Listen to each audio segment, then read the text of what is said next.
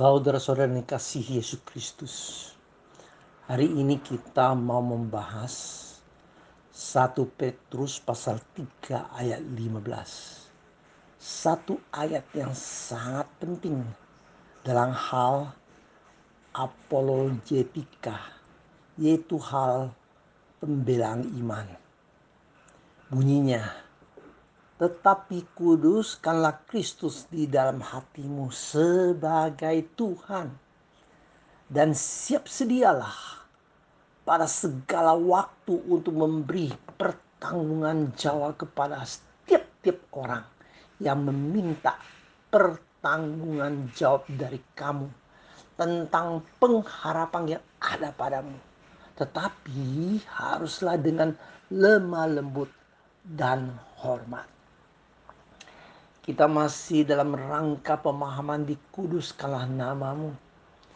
Kita mau memahami pengajaran Rasul Petrus tentang kudus kalah Kristus dalam hatimu sebagai Tuhan.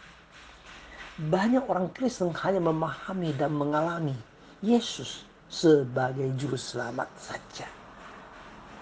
Tidak memahami Yesus harus menjadi Tuhan dalam hidupnya. Tidak heran banyak sekali orang Kristen adalah orang Kristen KTP.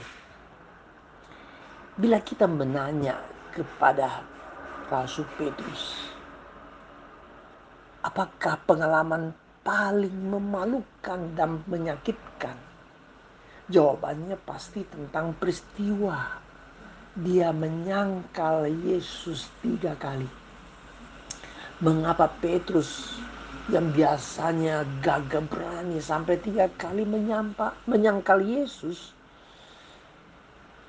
Setelah dia bertahun-tahun merenungkannya, inilah jawabannya yaitu hatinya tidak kuduskan Kristus sebagai Tuhan. Saudara-saudara kekasih, bila kita tanya lagi kepada Petrus, apa pengalaman yang paling mengharukan dan menyegarkan?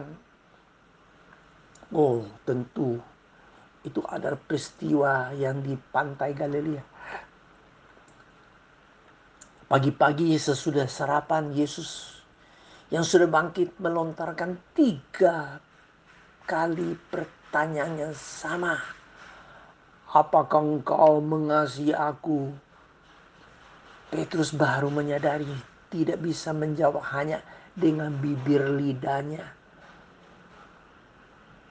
Dia harus menjawabnya dari hati yang paling dalam.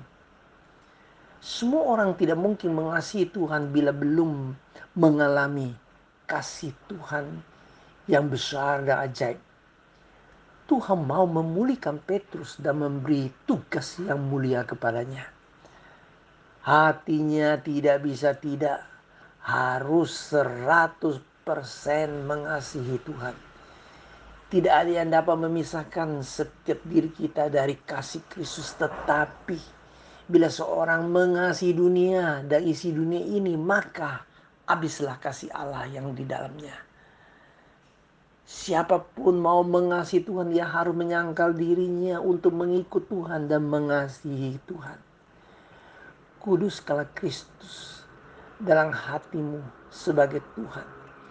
Ada tiga pengertian dan juga pengenerapannya. Pertama, kita harus mengasihi Tuhan dengan segenap hati, segenap jiwa, dan segenap akal budi.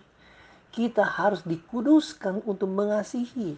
Kita harus memikul salib menyangkal diri untuk mengikut Tuhan dalam pikiran kita, perasaan kita, dan sikap kita hanya mau memuliakan Tuhan. Seperti yang di Kolose pasal 3 ayat 16. Segala sesuatu yang kamu lakukan dengan perkataan atau perbuatan, lakukanlah semuanya itu di dalam nama Yesus Tuhan Yesus. Kedua saudara-saudara, kita harus meyakini kita adalah orang yang paling berbahagia di dalam Kristus. Kemuliaan sorga sudah berada dalam hati kita. Kita menyerahkan diri kita sepenuhnya hanya kepada Tuhan. Tuhanlah yang menguasai hati kita dan juga seluruh kehidupan kita. Kita pikirkan dan rasakan perkara yang di atas, di mana Kristus berada. Bukan pikirkan perkara di bumi belakang. Tempat tinggal kita bisa saja terjadi lockdown. Tetapi hati kita tidak akan lockdown.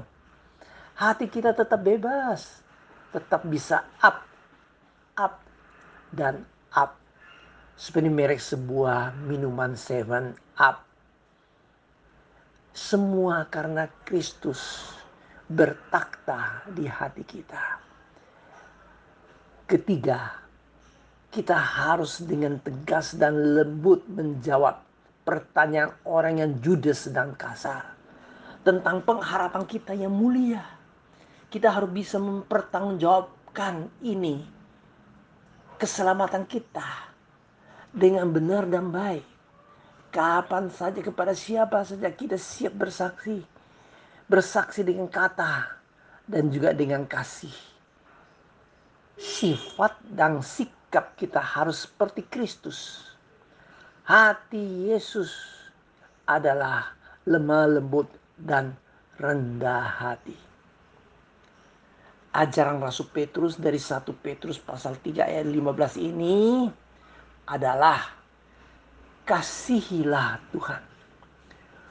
Muliakanlah Tuhan dan serupalah Tuhan. Amin.